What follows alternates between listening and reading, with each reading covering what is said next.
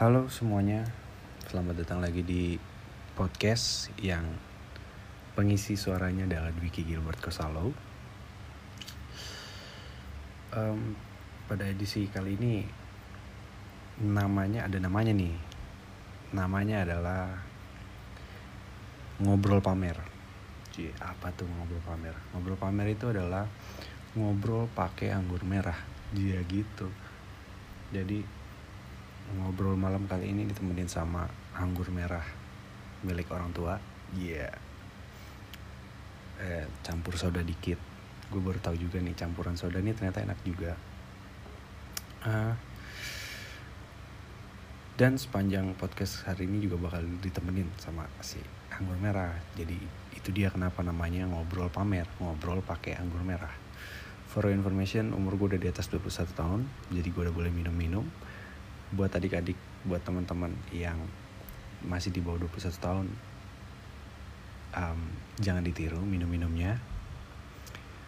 Eh, cari podcast yang lebih ada edukasinya aja, atau seri nanti edisi lain yang ada edukasinya gitu. Yang masih di bawah 21 tahun. Kalau yang udah di atas 21 tahun ya ayolah kita ngobrol bareng-bareng. Di ngobrol pamer bareng orang tua. Iya boleh boleh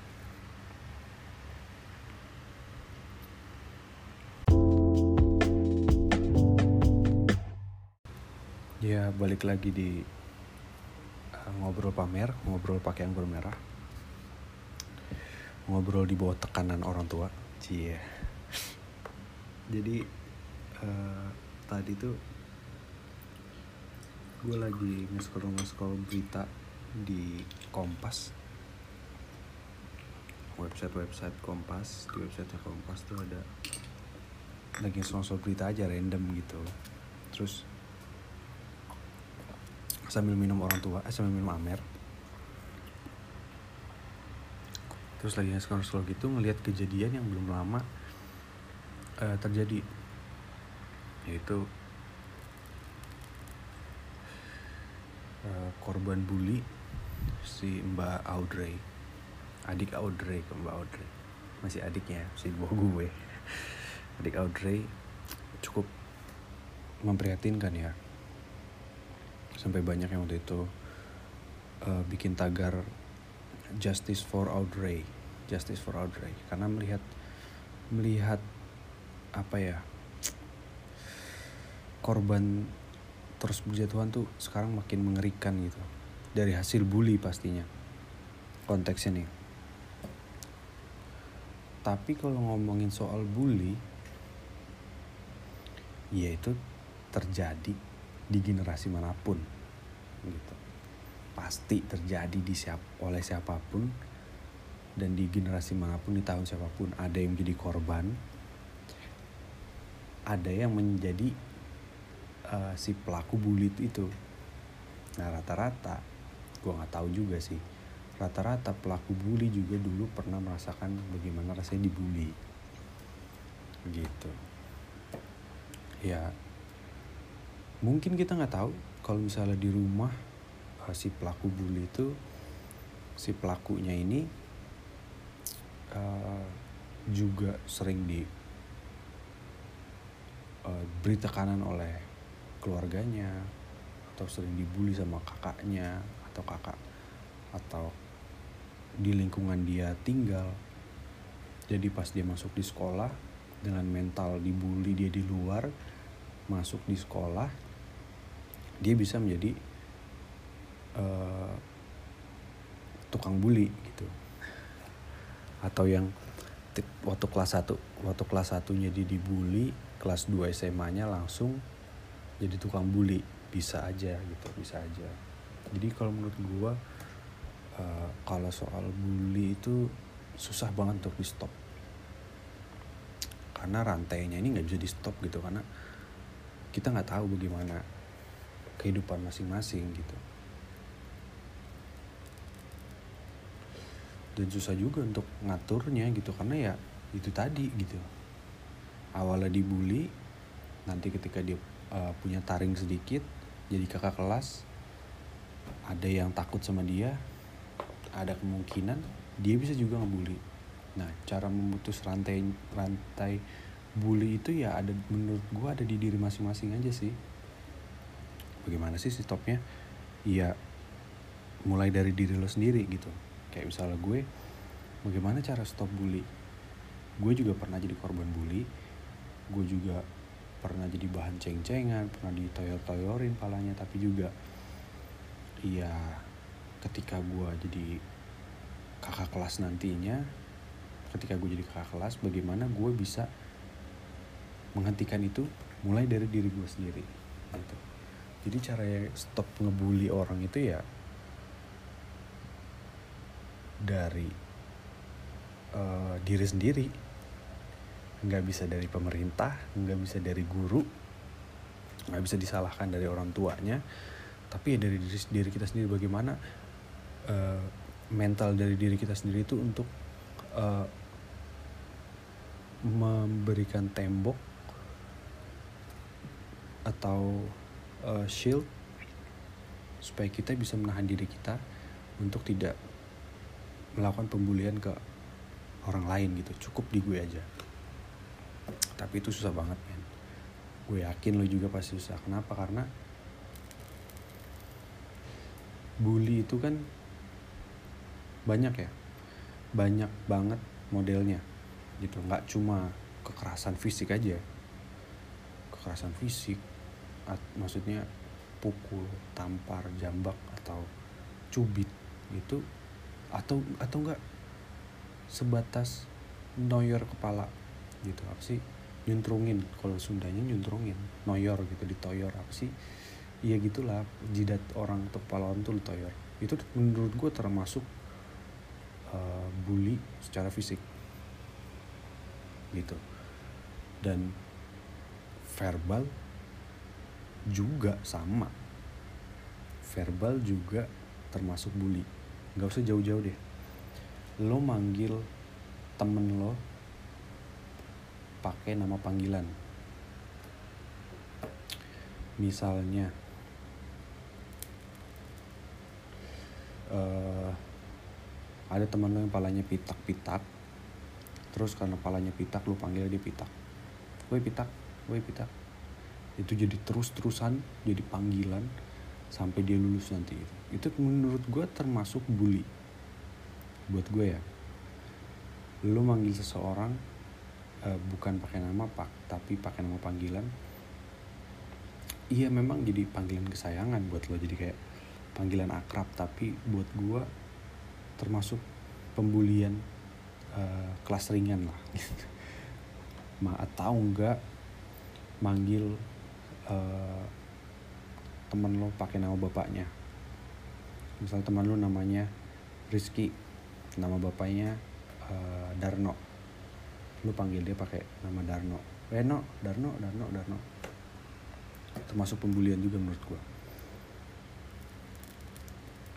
Karena ya kayak gitulah. Nggak bisa diatur nggak bisa di kita nggak bisa kontrol itu gitu. Kenapa? Karena kalau bully itu jatuhnya di perasaan ada juga orang yang cuma dipanggil uh, dipanggil pakai nama bapaknya tuh udah marah.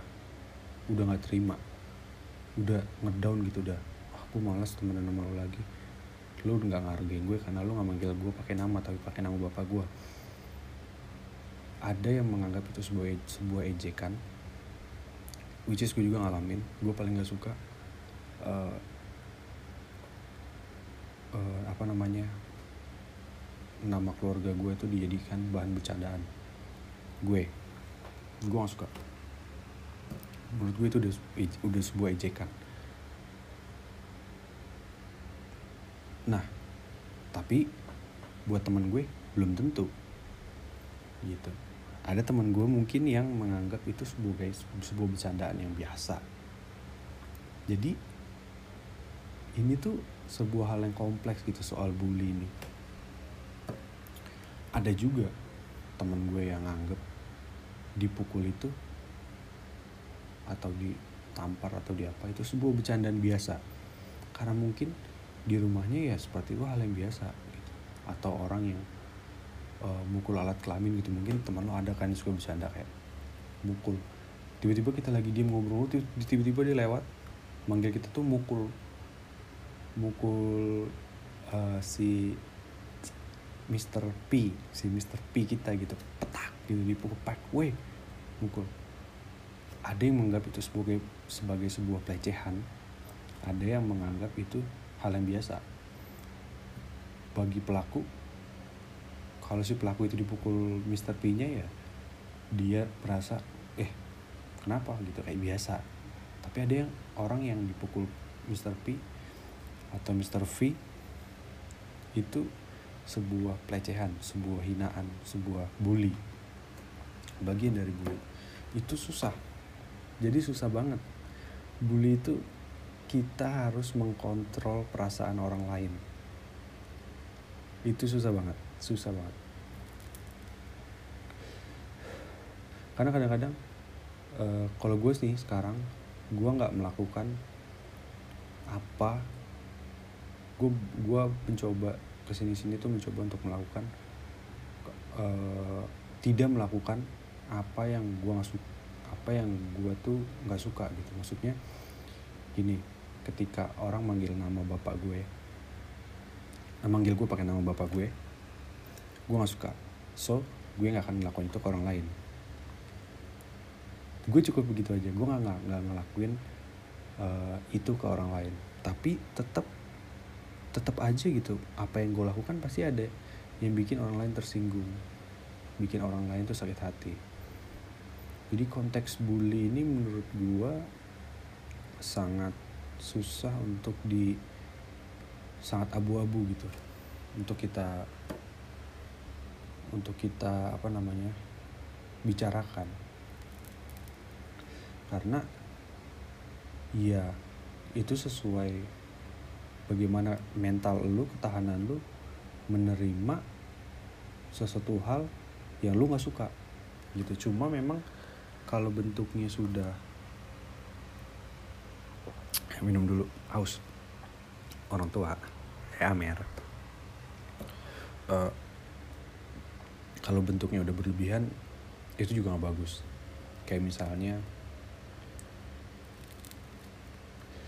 lu uh, ngebully junior lu dipukulin gitu. Misal lu mukulin junior lu di pas lagi ospek lu pelonco nggak cuma verbal tapi juga lewat uh, apa namanya tapi juga lewat fisik gitu. Kayak lu tampar lu jitak lu hantam perutnya atau lu apa. Ada yang biasa ada yang merasa itu biasa ada yang merasa nggak biasa. Ada yang merasa itu sebuah bully yang keterlaluan gitu. Tapi uh, apa ya? Susah deh susah. Bully itu susah banget. Susah banget untuk di untuk dijelasin gitu. Dan itu tadi bagaimana cara stopnya? Ya mulai dari diri sendiri menurut gue dan karena yang namanya bully itu di dunia ini menurut gua susah susah untuk dihentikan susah banget. Karena perasaan orang kita nggak bisa atur. Itu yang gue setuju tuh. Perasaan orang lain nggak bisa di nggak bisa kita ukur gitu. Kayak misalnya ada istilah dibilang sedalam-dalamnya lautan kita selalu punya alat untuk mengukur kedalaman lautan ketinggian sebuah objek gitu kayak misalnya pesawat terbang di ketinggian berapa dari uh, permukaan air laut.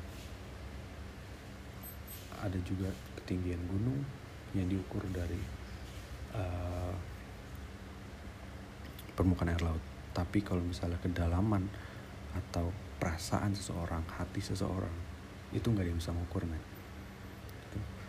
Bercandaan lo yang mungkin biasa buat lo bisa jadi nggak biasa buat orang orang yang lu bercandain. Dan itu susah. Susah banget.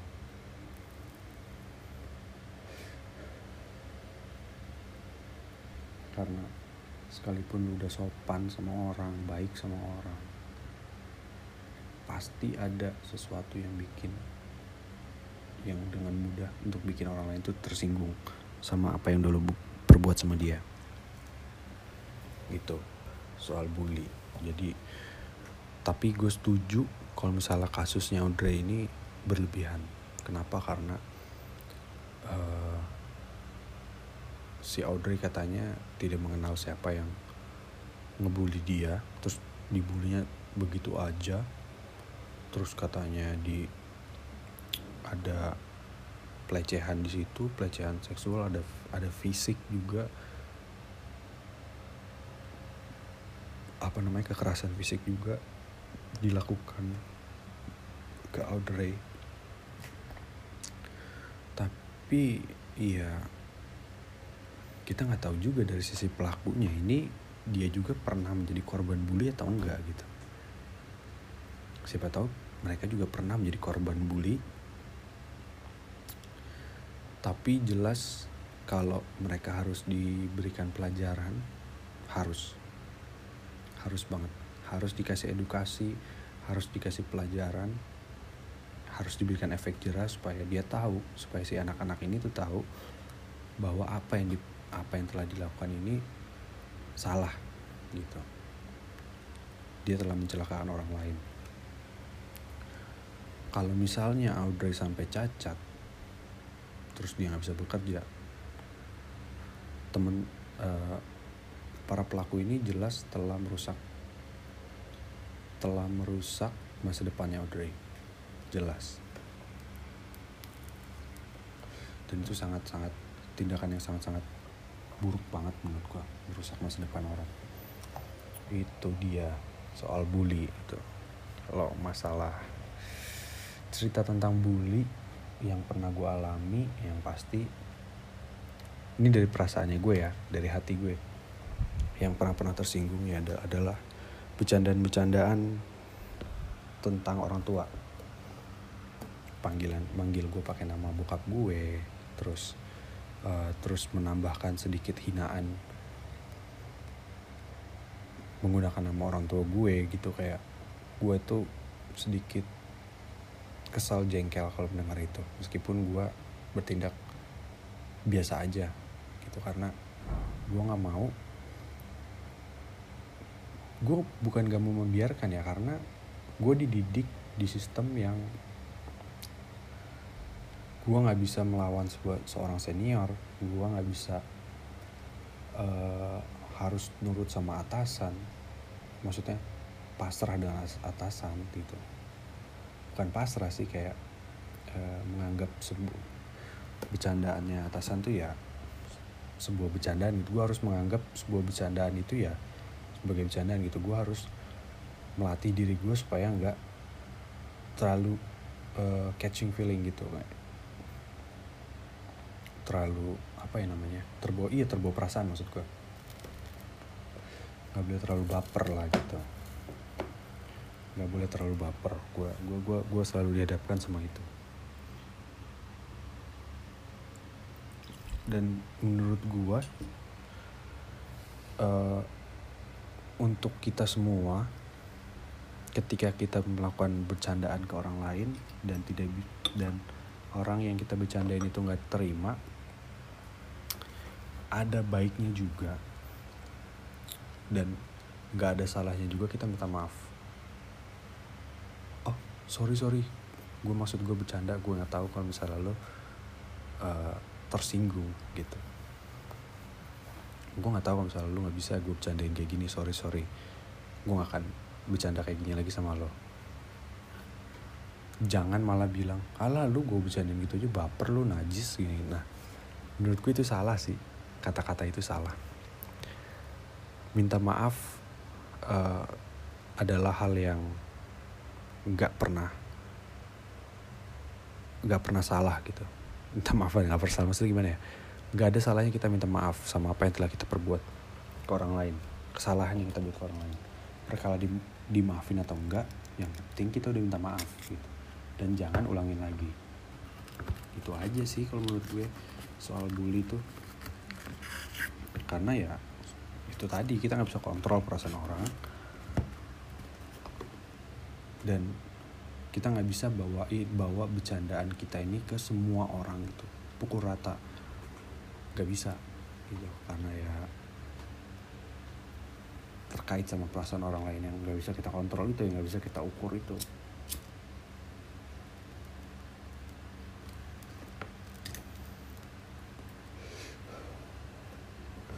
Dan gue juga pernah ngalamin bully.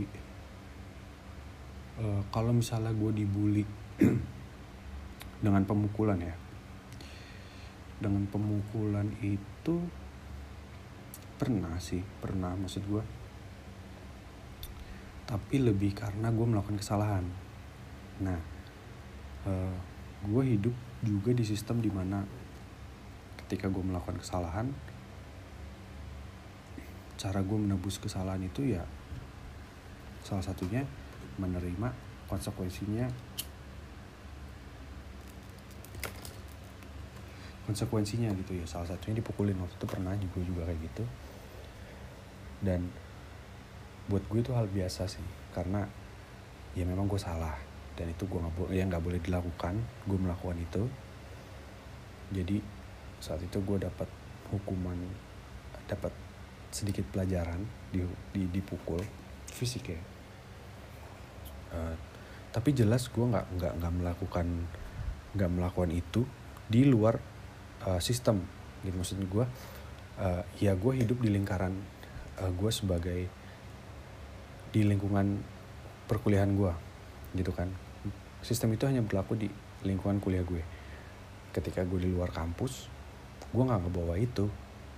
Ketika gue di keluarga gue gue nggak ngebawa itu.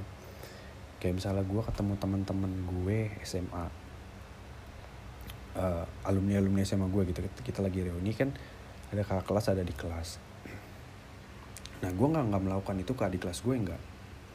Iya karena mereka di luar lingkungan kampus gue dia nggak tahu bagaimana lingkungan kampus gue jadi biarpun adik-adik kelas bekas adik kelas gue ini yang ngejengkelin gitu ya gue nggak bisa memperlakukan mereka tuh sama kayak uh, di kampus gue gitu. Dan kalau misalnya di kampus gue gue juga pernah melakukan pemukulan. Tuh biasa pernah. Tapi nggak tapi stop dengan sendirinya gitu kayak awal-awal aja pas lagi ospek-ospek itu karena semuanya melakukan pemukulan. Bukan pemukulan ya maksud iya pemukulan lah. Fisik gitu hukuman fisik. Ya gue juga jadi ke bawah juga gitu tapi dengan sendirinya kesaring karena itu kan awal-awal kita dulu kita diperlakukan seperti itu juga jadi kita juga ke bawah kepancing adat yang lama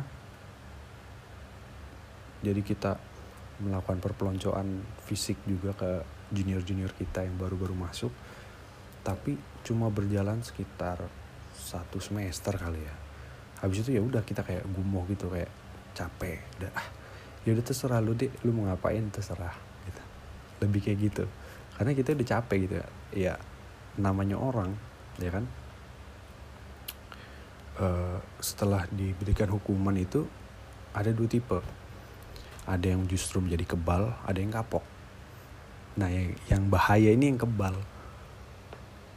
Yang kebal ini ya percuma gitu lo mau di mau lu hukum uh, suruh tidur di kandang buaya ya bukannya dia takut besoknya ya malah dia jadi bersahabat sama buaya gitu loh. Dia jadi tahu bagaimana hidup di kandang buaya gitu bagaimana cara dia bertahan hidup di kandang buaya ya sama gitu ketika lu berikan dia verbal hukuman verbal anak ini uh, bukannya menjadi down bukan maksudnya bukannya tidak mengulangi kesalahannya dia lagi tapi malah makin kebal sama verbal ah paling gue cuma dibilang anjing ah paling gue cuma dibilang bangsat ah paling gue cuma dimarah-marahin gitu. Akhirnya apa ya? Akhirnya kita kasih hukuman yang lebih parah hukuman yang lebih berat gitu kayak dipukul. Nah ternyata habis dipukul anak ini uh, bukannya kapok ada yang malah lebih kuat gitu karena gue udah pernah dipukul. Ah udah tahu rasa dipukul. Paling kalau gue kalau gue melakukan ini kesalahan ini uh, di luar peraturan ya paling dipukul gitu. Dia ngomong gitu. Jadi kayak hal yang biasa gitu. Sesuatu yang udah, udah, pernah didapatin tuh udah pernah di apa namanya dirasakan tuh ya hal yang biasa gitu. Nah yang kayak gitu-gitu bikin males lama-lama memang. Dan iya akhirnya ah udahlah. Udahlah terserah lo aja gitu.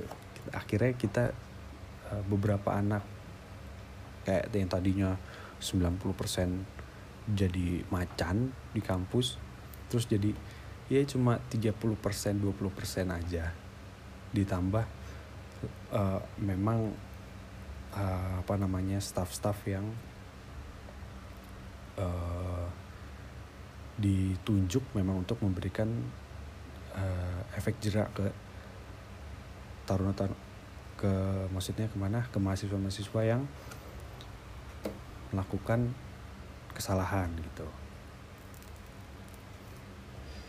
ya gitu. Jadi akhirnya kita malas untuk melakukan itu lagi. Ya dengan sendirinya tuh kita berhenti melakukan pemukulan dari teman-teman gue dan gue yang gue rasain gitu kalau gue malah cuma tiga bulanan aja tiga bulan sampai lima bulan lah lima bulanan. Habis itu udah gue capek gue ngeliat junior kayak ya udah terserah lu lu mau ngapain? Gitu kayak ya gitu kayak jadi hal-hal kayak gitu aja.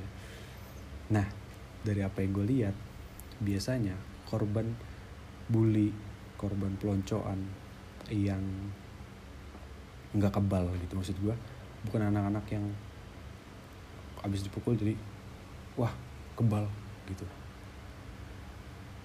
Abis dipukul kapok aduh gue gak mau lagi ah gue takut dipukul gue gitu.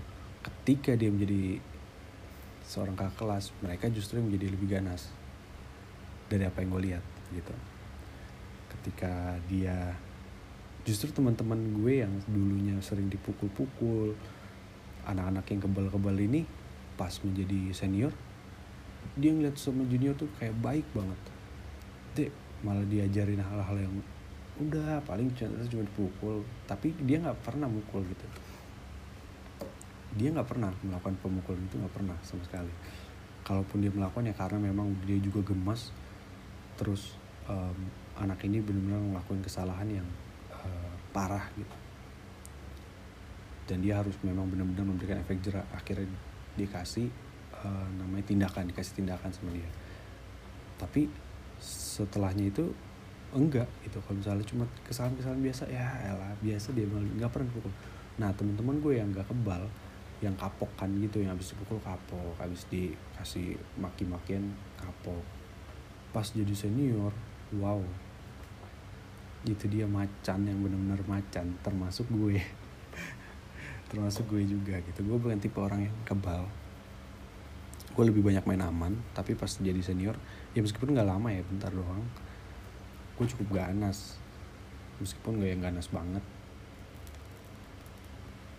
Tapi iseng gitu jadi iseng banget. Padahal dulu gue paling gak suka disengin. Gitu. Nah ya rata-rata jadi apa yang gue menurut pendapat gue biasanya pelaku pelaku bully juga dulunya adalah seorang korban. Jadi, jadi itu sebuah rantai yang gak bisa diputus gitu. Anak polos dibully jadi korban.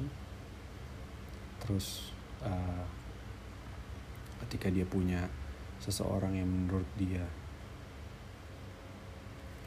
masih polos dia jadi pelaku bully. Begitu terus berputar terus berputar terus nggak akan stop. Jadi bagaimana cara stopnya? Ya itu tadi. Pertama dari diri sendiri jangan melakukan apa yang lu nggak suka gitu. Yang menurut lo kalau orang lain melakukan itu ke lu tuh lu nggak suka. Jadi jangan lakuin itu ke orang lain. Kedua ya minta maaf tuh hindari kata-kata ala baper lo. Kayak gitu tuh menurut gue nggak bagus banget sih kata-kata ala baper lo. Cuma gue uh, bercandain dikit aja langsung marah. Ya itu menurut gue nggak bagus nggak bagus banget. Harus minta maaf apa pun bagaimanapun. Maaf tuh bukan menunjukkan kalau kita lemah tapi menunjukkan kalau kita ini menghargai orang lain gitu peduli sama perasaan orang lain karena yang nggak bisa kita atur justru itu perasaan orang lain itu gitu. Jadi minta maaf tuh sebuah hal yang uh, harus kita lakukan dan jangan berat untuk meminta maaf dan jangan berat untuk memaafkan kalau menurut gue dengan begitu uh, bully ya akan tetap ada tapi minimal tidak akan menjadi lebih parah gitu kayak misalnya begini. Misal uh, apa yang telah dilakukan si pelaku ini ke Audrey membuat Audrey menjadi uh, trauma. Bukan trauma gitu. Uh, membuat Audrey menjadi memiliki dendam. Karena punya luka dari masa lalunya. Kalau Audrey menyimpan dendam suatu saat pasti dia akan jadi seorang pelaku bully yang bisa aja lebih parah dari apa yang telah dilakukan gitu. apa yang uh, telah dia rasain gitu. Jadi perlu banget edukasi tentang bully ini. Stop bully. Minta maaf. Uh, kontrol diri sendiri. Itu penting banget. Itu penting banget diedukasi. Itu penting banget untuk diberikan ke uh, anak-anak generasi yang sekarang-sekarang ini gitu. Karena ya memang melihat apa yang udah terjadi ini ya itu tadi keterlaluan.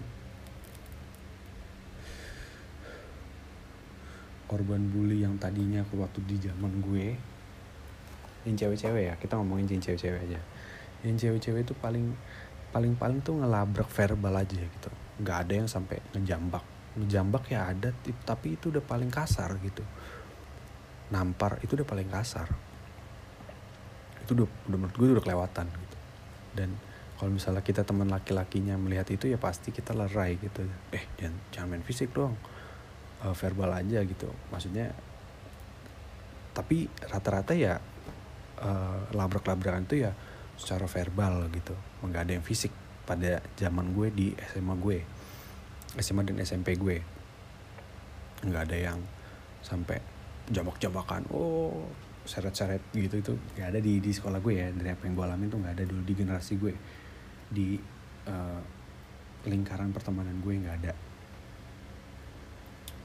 Melihat apa yang terjadi di Pontianak ini gue bukan pukul rata artinya generasi uh, zamannya si Audrey ini semuanya gitu enggak sih enggak maksud gue apa yang terjadi sama si Audrey ini uh, murni cuma terjadi sama Audrey doang gitu. Mudah-mudahan jangan sampai ada korban lain. Dan perlu banget edukasi itu ke setiap generasi di setiap generasi itu. Mengenai bagaimana mengkontrol diri kita sendiri ketika uh, merasakan dendam gitu. Ya kalau bisa jangan sampai ada dendam. Itu tadi. Minta maaf dan memaafkan penting banget. Jadi itu di zaman gue tuh cuma ada uh, labrak-labrakan verbal doang. Tapi ternyata di sekarang ini yang terjadi sampai masuk rumah sakit itu kan. Uh, sebuah perkembangan zaman ya. Perkembangan zaman yang nggak bisa dikontrol banget gitu kayak wow wow gitu. Bisa ya, kok kenapa ini bisa terjadi gitu. Ya mudah-mudahan kasus Audra ini uh, jangan lagi terulang. Itu tadi meskipun rantai bully ini nggak bisa di stop paling enggak harus ada edukasi dari orang-orang terdekat mengenai dendam. Jangan sampai anak-anak anak-anak ini menyimpan dendam. Harus harus ada edukasi mengenai meminta maaf dan memaafkan itu tadi. Minta maaf dan memaafkan gitu. Dan semuanya itu diajarin di pelajaran agama sih biasanya. Agama di agama pasti di setiap agama. Tidak ada yang mengajarkan untuk membalas dendam. Gitu. pasti uh, mengajarkan untuk kasih. Berbelas kasih meminta maaf dan memaafkan. Meminta maaf tuh gampang uh, untuk tidak mengulangi lagi yang susah gitu. lebih susah lagi memaafkan gitu. memaafkan apa yang telah orang lain lakukan kepada kita itu susah banget tapi lu harus bisa gitu kita harus bisa untuk memaafkan orang lain yang telah berbuat salah pada kita ini kayaknya anggur merahnya ini gue ambil gue belinya nih buat supply gereja kayaknya nih. Buset ngomongnya bener banget kan malam ini.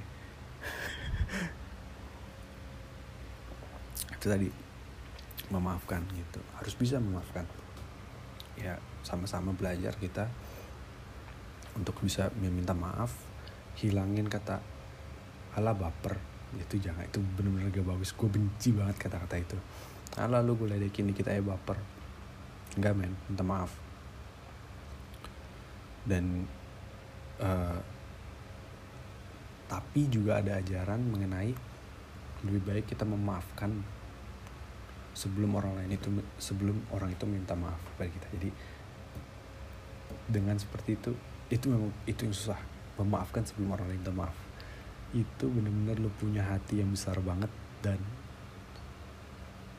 kemungkinan lo bukan manusia kemungkinan lo bukan manusia. Ketika lo melakukan itu kemungkinan lo bukan manusia. Tapi ya kita harus coba. Kayak begitu kayak begitu tuh. Tadi cukup berat juga sih ngomongin soal bully itu.